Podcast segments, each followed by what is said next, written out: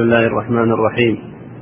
الحمد لله رب العالمين وصلى الله وسلم على عبده ورسوله نبينا محمد وعلى آله وأصحابه أجمعين. قال الشيخ رحمه الله تعالى التاسع من اعتقد أن بعض الناس يسعه الخروج عن شريعة محمد صلى الله عليه وسلم كما وسع الخضر كما وسع الخضر الخروج عن شريعة موسى فهو كافر.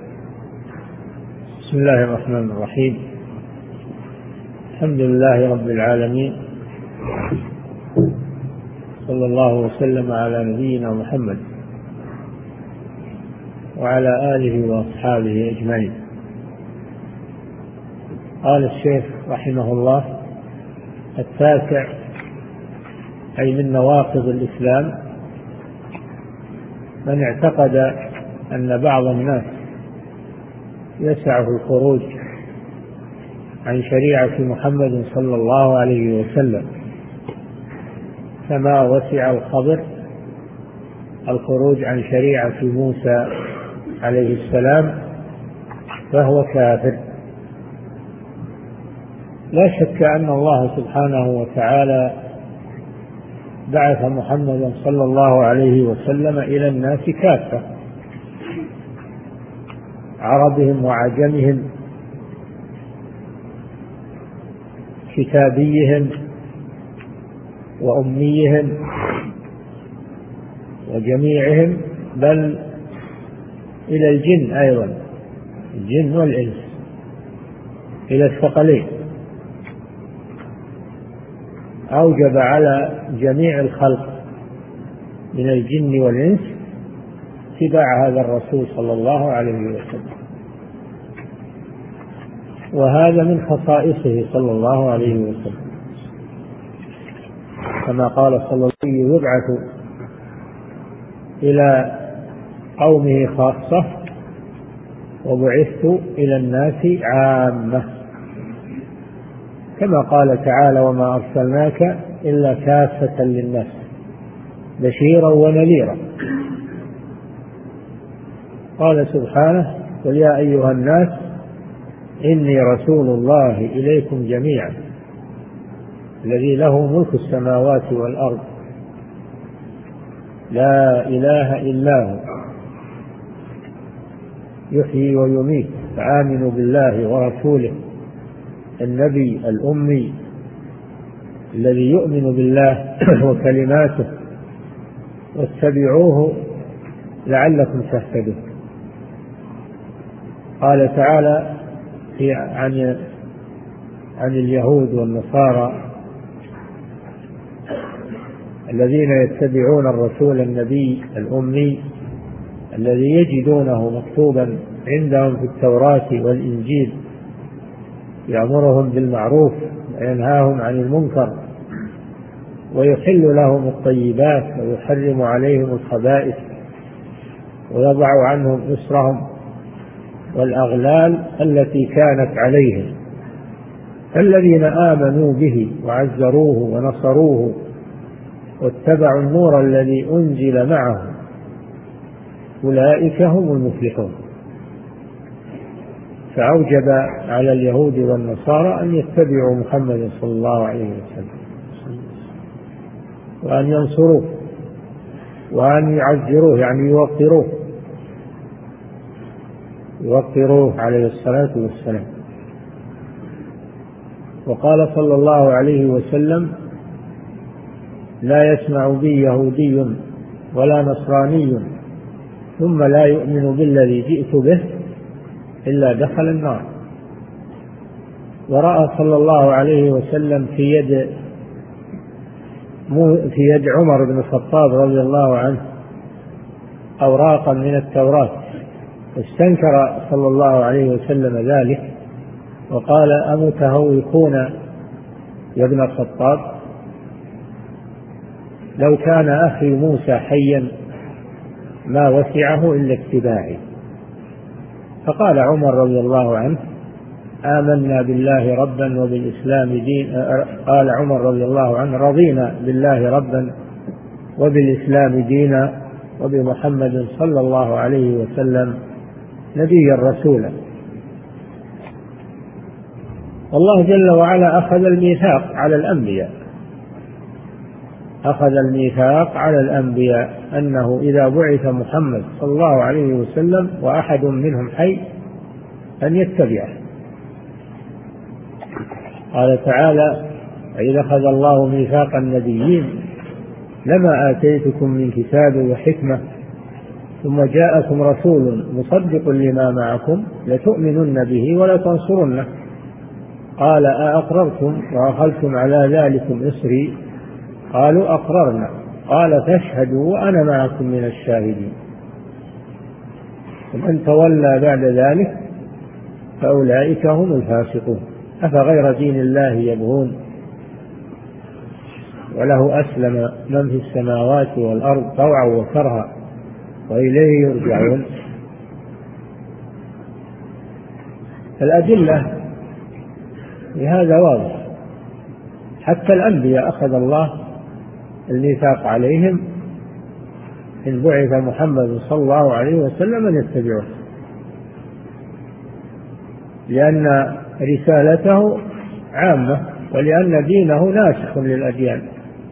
ليس لا يبقى دين بعد بعثة محمد صلى الله عليه وسلم إلا دين الإسلام الذي جاء به. ولذلك عيسى عليه السلام إذا نزل في آخر الزمان يتبع محمدا صلى الله عليه وسلم ويحكم بشريعته شريعة الإسلام ويكون تابعا لمحمد صلى الله عليه وسلم. فلا أحد يسعه الخروج على شريعة محمد صلى الله عليه وسلم. حتى الجن قال الله جل وعلا وإذ صرفنا إليك نفرا من الجن يستمعون القرآن. فلما حضروه قالوا أنصتوا. فلما قضي ولوا إلى قومهم منذرين. قالوا يا قومنا إنا سمعنا كتابا أنزل من بعد موسى يهدي إلى الحق وإلى طريق مستقيم. يا قومنا أجيبوا داعي الله وآمنوا به. يغفر لكم من ذنوبكم ويجيركم من عذاب أليم. يا قومنا أجيبوا داعي الله وآمنوا به. يجيركم من عذاب وليس له من دونه أولياء. أولئك في ضلال مبين. قل أوحي إلي أنه استمع نفر من الجن. سورة الجن كاملة. فيها ما قالته الجن الله عليه وسلم. فرسالته صلى الله عليه وسلم عامة إلى الثقلين. تجد الجن والإنس. ومن لم يستجب له ولم يتبعه فهو من أهل النار قطعا لأنه كافر بالله وبرسوله عليه الصلاة والسلام. الذين يقولون إنه يسع احدا يسع احدا الخروج عن شريعة هذا الرسول ويستدلون على هذا بقصة الخضر مع موسى في القرآن. في سورة الكهف. وقد جاء أن موسى عليه السلام قام خطيبا في قومه فسألوه هل هناك أعلم منك على وجه الأرض؟ قال لا. قال الله تعالى له إن لي عبدا من عبادي في أرض كذا وكذا عنده علم ليس عندك. ذلك العبد. يطلب العلم. يطلب العلم. وإذ قال موسى لفتاه لا أبرح حتى أبلغ مجمع البحرين أو أمضي حقبا إلى أن وصل إلى الأرض التي فيها الخضر. وقال له هل أتبعك؟ على أن تعلمني مما علمت رشدا؟ يعرض عليه ما يأتيه بغلظة أو قسوة وإنما يتأدب المتعلم مع مع العالم. هل أتبعك على أن تعلمني مما علمت رشدا؟ قال إنك لن تستطيع معي صبرا إلى آخر القصة. إلى آخر القصة. التي فيها خرق السفينة فيها قتل الغلام وفيها بناء الجدار. استغرب موسى عليه السلام أن هذا لم يكن يعلمه. فلما بين له الخضر لما بين له الخضر لماذا عمل هذه الأعمال وأن هذا بأمر الله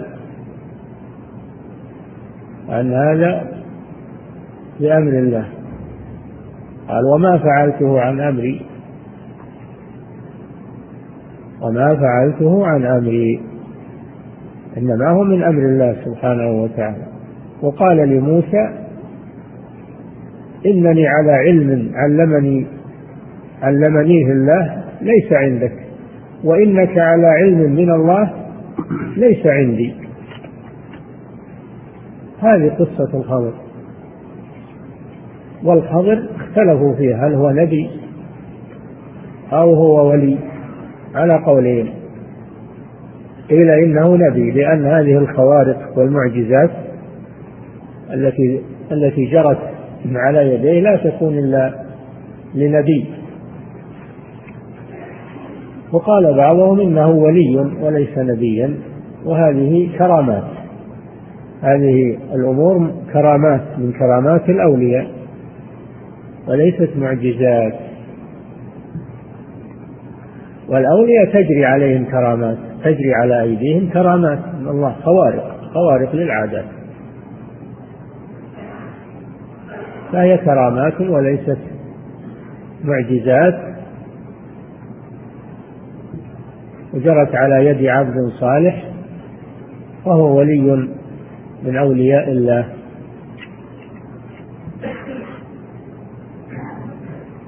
ثم هل الخضر حي أو مات؟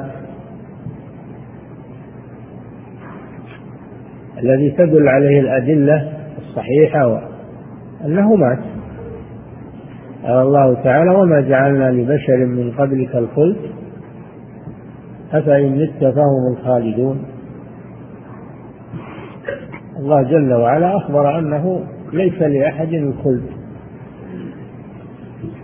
من من هذا الخلق وأن الخلق كلهم يموتون كل من عليها فان ويبقى وجه ربك ذو الجلال والإكرام.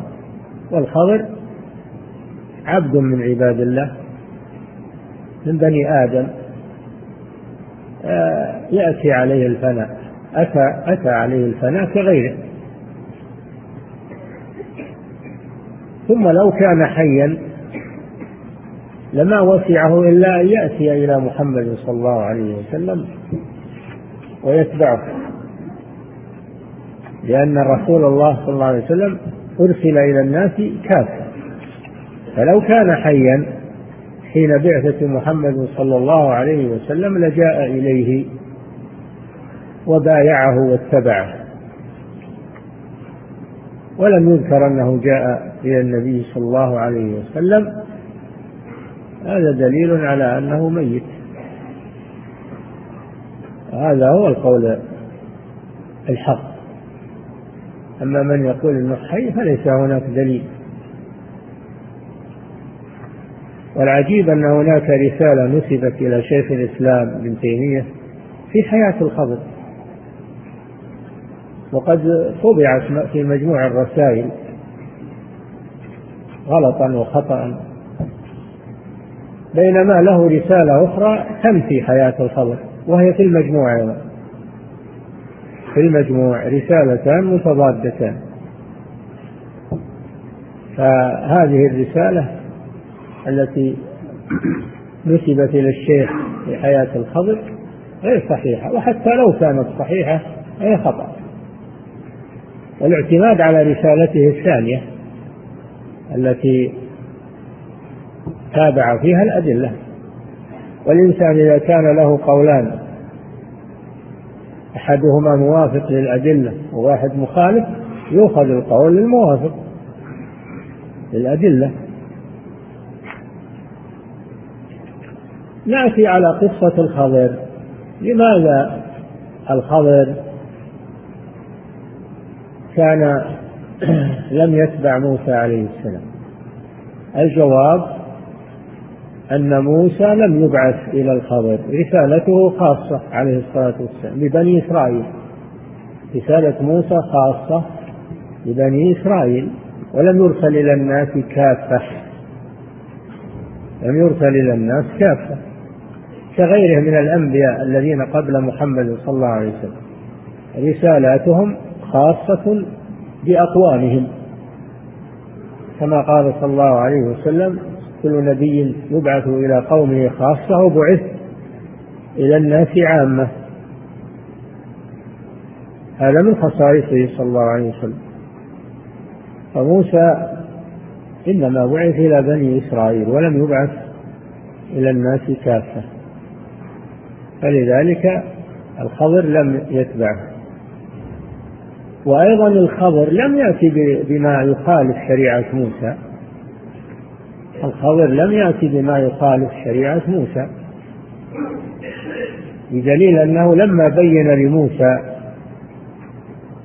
لما بين لموسى السبب الذي من أجله فعل ما فعل موسى لم يعترض عليه. فدل على أنه لم يأتي لم يخالف لم يخالف شريعة موسى. بأي شيء خالف شريعة موسى؟ ما خالف هذا الشيء. لما بين الأسباب موسى لم يعترض عليه.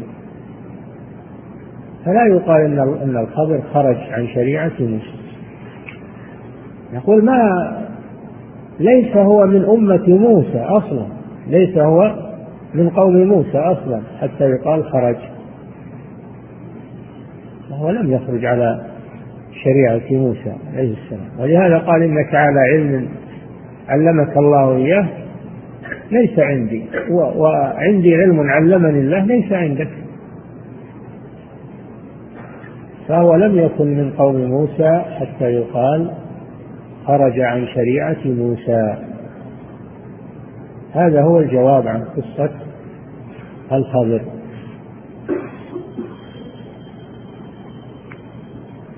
الذين يقولون إن بعض الناس يسعه الخروج عن شريعة محمد صلى الله عليه وسلم. هذا موجود. موجود من يقول هذا ممن يدعي الإسلام وهم الصوفية. غلاة الصوفية. يقولون إن الصوفي إذا بلغ مرتبة من المعرفة توصله إلى الله فإنه ليس بحاجة. ليس بحاجة إلى الرسول لأنه وصل إلى الله. هذا ليس بحاجة إلى الرسول. الرسول للعوام وهؤلاء خواص أو خواص الخواص. وصلوا إلى الله فليسوا بحاجة إلى رسول. ويقولون نحن نأخذ علمنا عن الله. مباشرة. وأنتم تأخذون علمكم عن الأموات الرواة ميت عن ميت يعنون الأحاديث والأسانيد.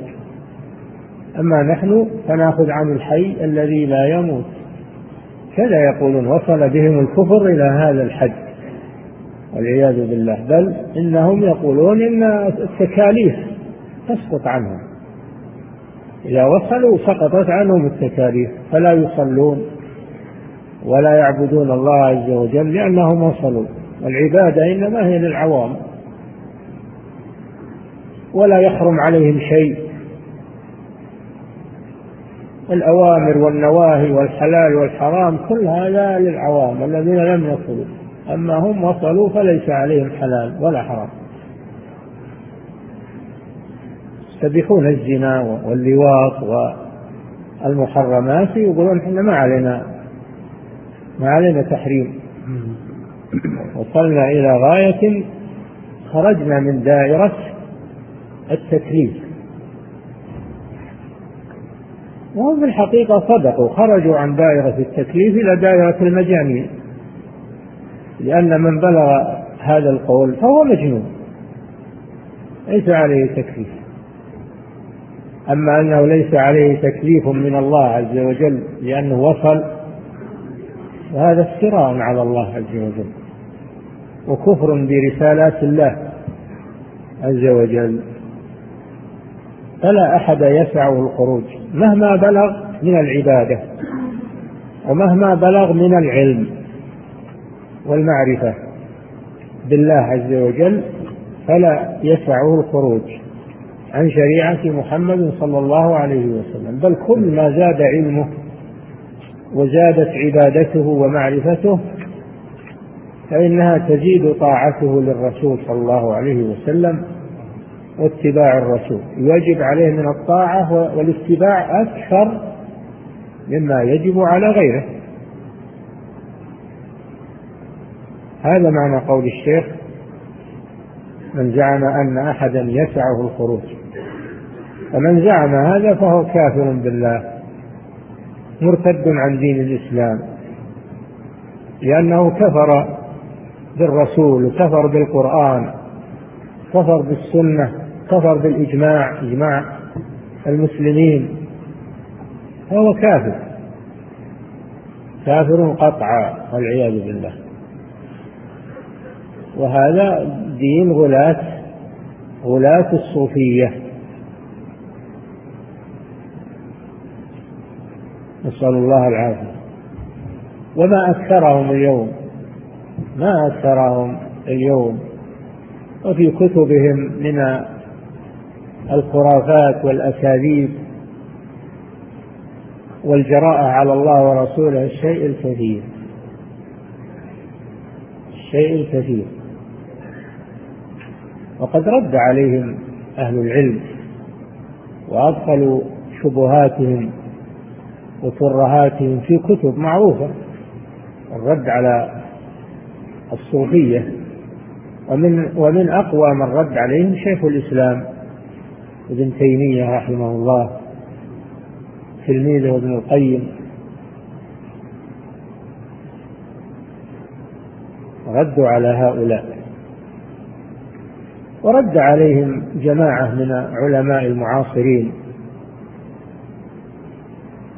كعبد الرحمن الوكيل رحمه الله وغيره مصرع التصوف له كتاب اسمه مصرع التصوف. الشيخ عبد الرحمن الوكيل من أنصار السنة المحمدية في مصر. له كتاب اسمه مصرع التصوف. جاب ترهاتهم وأباطيلهم ورد عليها ردا مفحما وغيره وغيره ممن ردوا عليه وكذلك يشمل هذا هذا يشمل اليوم العلمانيين الذين يقولون بفصل الدين عن الدولة. الرسول ما له إلا الدين بس المساجد العبادات أما المعاملات وأما الأحكام وأحكام المعاملات وأحكام السياسة وإلى آخره فهذه لا تدخل في دين الرسول صلى الله عليه وسلم وإنما الناس هم الذين هم الذين يتحكمون فيها. هذا قول العلمانيين. فالرسول ليس له سلطة إلا على المساجد والعبادات الصلاة وأما السياسة وأما المعاملات أحكام المعاملات فهذه من شأن الناس. من شأن الناس. ويقولون الدين لله والوطن للجميع. الدين لله والوطن للجميع. هكذا يقولون. فهم يلحقون بركب غلاة الصوفية الذين يقولون إن أحدا يسعه الخروج عن شريعة محمد صلى الله عليه وسلم. وهؤلاء يقولون نعم يسع الخروج عن شريعة محمد صلى الله عليه وسلم في أمر السياسة والمعاملات وأمور الدنيا يقولون. وكذلك علماء الكلام وعلماء المنطق لهم نصيب من هذا. الذين يقولون إن أدلة الكتاب والسنة سمعية تفيد الظن. وأما الأدلة العقلية فهي يقينية تفيد اليقين ولهذا لا يستدل في العقائد بالكتاب والسنة لأنها أدلة ظنية. وأما أدلة علم الكلام والمنطق فهي أدلة عقلية. ولذلك تجدون عقائدهم مبنية على علم الكلام والجدل علم المنطق. ولا يستدلون بآية ولا يستدلون بحديث عن الرسول صلى الله عليه وسلم. هذا خروج عن شريعة الرسول صلى الله عليه وسلم في أهم شيء وهو العقيدة. أهم شيء العقيدة. يخرجونها يقولون هذه تبنى على الأدلة اليقينية وهي العقلية عندهم والمنطقية. وهذا شيء تجدونه في كتب عقائدهم اقرأوها ما تجدون فيها آية أو حديث. وإنما هي جدل من أولها إلى آخرها. أدلة عقلية كما يقولون. فلا شك أن هذا يدخل في هذا الضلال. والذي يجب على المسلم الذي يجب على المسلم أن يتبع الكتاب والسنة في جميع الأمور في العقائد والمعاملات والآداب والأخلاق وفي جميع الأمور. لأن رسول رسالة النبي صلى الله عليه وسلم شاملة شاملة. وصالحة لكل زمان ومكان إلى أن تقوم الساعة لأن الذي أنزلها هو الحكيم العليم. الذي يعلم ما يصلح عباده في كل وقت إلى أن تقوم الساعة. فهي تنزيل من حكيم حميد. فإنه لكتاب عزيز لا يأتيه الباطل من بين يديه ولا من خلفه تنزيل من حكيم حميد. فهي شاملة وصالحة لكل زمان ومكان. لا يسع المسلم أن يخرج عنها. ويدخل في هذا أيضا الذين يقولون إن الشريعة إنما هي للزمان الماضي أما الوقت الحاضر ما تصلح له الشريعة. هذه لأمور لأجيال مضت تصلح للزمان الماضي. أما الآن حدث معاملات وجدت أشياء لا تتناولها الشريعة.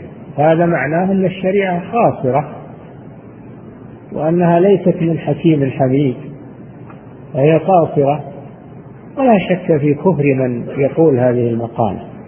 وهذا داخل في من يزعم الخروج عن شريعة محمد. يقول إنها ما تنطبق على هذا الزمان وإنما تنطبق على أزمان مضت. وما أكثر من يقول هذه المقالة.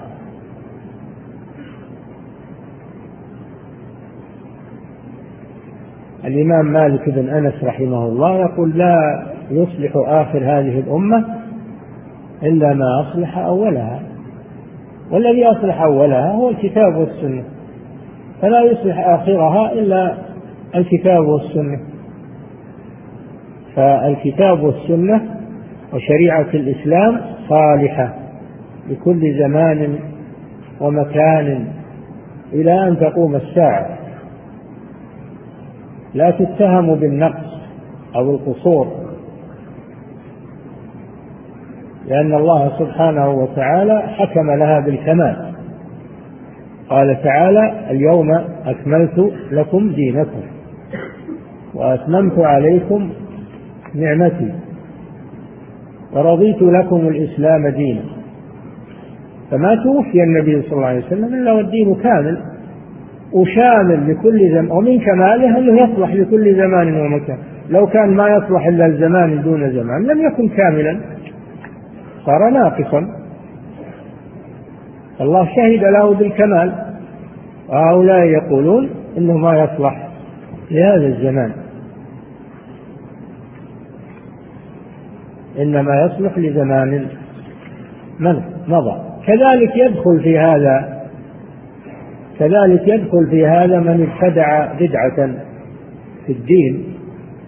من ابتدع بدعة في الدين أو أحدث حدثا يظن أنه خير وأنه تقرب إلى الله عز وجل. هذا خروج عن عن شريعة الرسول صلى الله عليه وسلم وإن لم يكن خروجا كاملا إلا أنه نوع من الخروج لأنهم لم ي... لم يسعهم لم يسعهم ما شرعه الله عز وجل. وإنما راحوا يجيبون إضافات زيادات. فمعنى هذا أن الدين غير كامل وأنه بحاجة إلى إلى زيادات. ولهذا قال صلى الله عليه وسلم من عمل عملا ليس عليه أمرنا فهو رد أي مردود على صاحبه. قال عليه الصلاة والسلام وإياكم ومحدثات الأمور فإن كل محدثة بدعة وكل بدعة ضلالة. فالخروج عن شريعة محمد صلى الله عليه وسلم يشمل هذه الأنواع كلها لكن بعضها أشد من بعض. بعضها أشد من بعض. الذي عليها خطاب الصوفية من الخروج الكامل عن الشريعة هذا كفر واضح. وكذلك من تشبه بهم في في بعض الأمور أو في كثير من الأمور. كلها أنواع خروج.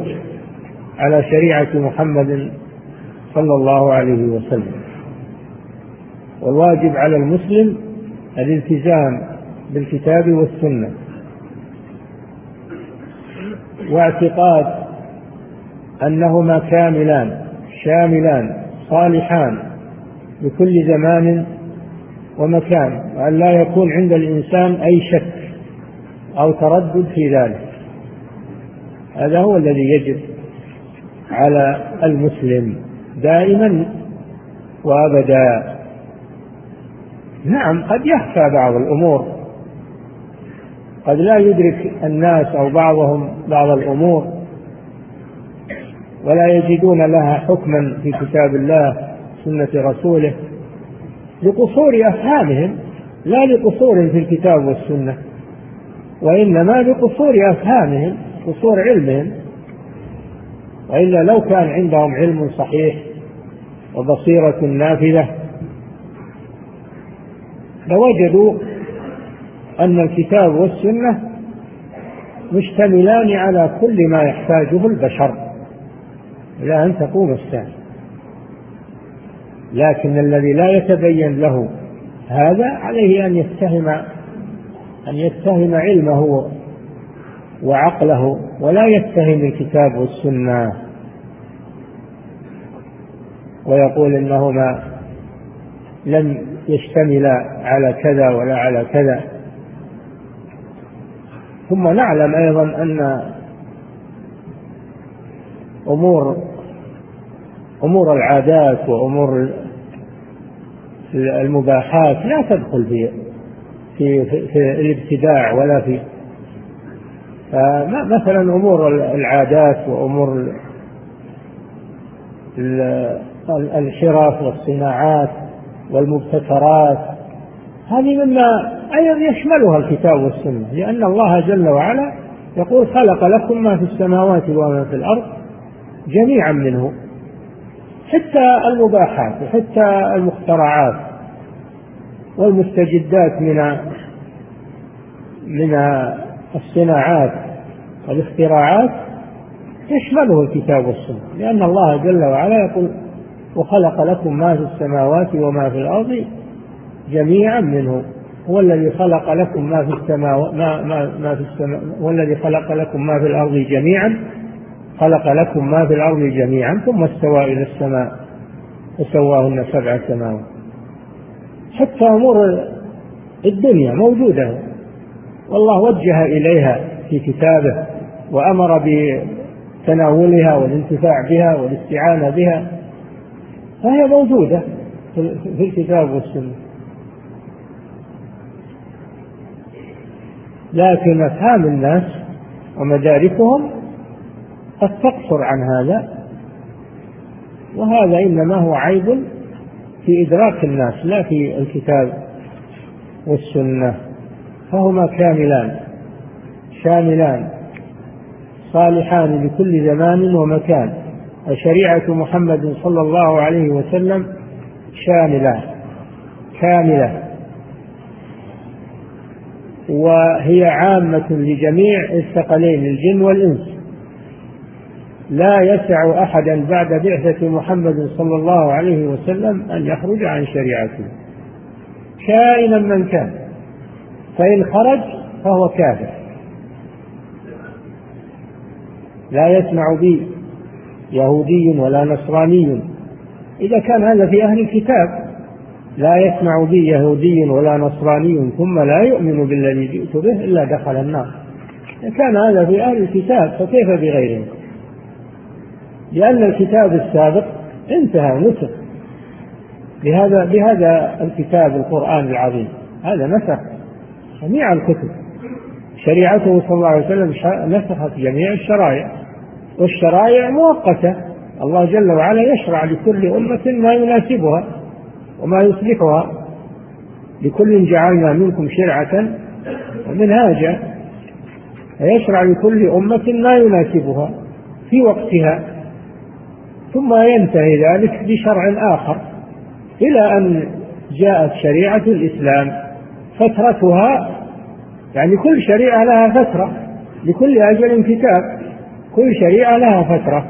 وفترة شريعة محمد صلى الله عليه وسلم من بعثته إلى أن تقوم الساعة. هذه فترة شريعة الرسول صلى الله عليه وسلم. فهي عامة في الزمان وعامة في المكان وعامة في العباد في بني آدم. إلى أن تقوم الساعة. لا تبدل ولا ولا تغير. فمن زعم أن الرسول صلى الله عليه وسلم إنما بعث إلى العرب كما تقوله طائفة من النصارى إنما بعث إلى العرب هذا كافر بالله عز وجل. من جحد عموم رسالة محمد صلى الله عليه وسلم فهو كافر. في من النصارى من يقول محمد رسول صحيح إنه رسول من عند الله لكن رسالته إلى العرب فقط. هذا كافر بالله عز وجل لأنه جاحد لعموم الرسالة. لأن رسالته صلى الله عليه وسلم عامة لجميع الناس. ولذلك من ادعى النبوة بعد محمد صلى الله عليه وسلم فهو كافر. لأن الله جل وعلا جعل محمدا خاتم النبيين. ما كان محمد أبا أحد من رجالكم ولكن رسول الله وخاتم النبيين. والخاتم هو الذي لا يأتي بعده أحد من الرسل من الأنبياء. خاتم النبيين. ولهذا قال صلى الله عليه وسلم أنا خاتم النبيين. لا نبي بعدي سيكون بعدي كذابون ثلاثون. كل منهم يدعي, يدعي أنه نبي. وأنا خاتم النبيين. لا نبي بعدي فالناس ليسوا بحاجة إلى نبي. النبي إنما يبعث عند حاجة الناس. الناس ليسوا بحاجة إلى نبي من بعثة الرسول صلى الله عليه وسلم. لأن الله أغناهم بالكتاب والسنة المستمرة إلى أن تقوم الساعة. فليسوا بحاجة إلى نبي وليسوا بحاجة إلى شريعة غير شريعة الرسول صلى الله عليه وسلم. فالفترة مملوءة من بعثته صلى الله عليه وسلم إلى أن تقوم الساعة مملوءة بشريعة الإسلام. والله جل وعلا يحكم ما يشاء هو الذي حكم لهذه الشريعة بالبقاء والخلود إلى أن تقوم الساعة. أما شرائع الأنبياء فيعمل بها في وقتها. كل شريعة يعمل بها في وقتها. ولا تتجاوز وقتها. ووقت هذه الشريعة هو هذا الوقت الواسع. غنية متجددة في أحكامها وقرآنها وسنتها. فالبشرية ليست بحاجة إلى رسول بعد محمد صلى الله عليه وسلم. وليست بحاجة إلى كتاب بعد القرآن. وليست بحاجة إلى شريعة بعد شريعة محمد صلى الله عليه وسلم. فلذلك من ادعى أنه نبي أو صدق من يدعي ذلك فإنه يكون كافرا مرتدا عن دين الإسلام ويكون مكذبا لله ولرسوله ولإجماع المسلمين في عموم الرسالة التي بعث بها محمد صلى الله عليه وسلم. إذا فلا يسع أحدا كائنا من كان الخروج عن شريعة محمد صلى الله عليه وسلم. يدخل في ذلك الصوفية غلاة الصوف. ما نقول كل الصوفية لكن نقول غلاة الصوفية. وإلا بقيتهم عندهم ضلال لكن ما يصلون إلى هذا الحد.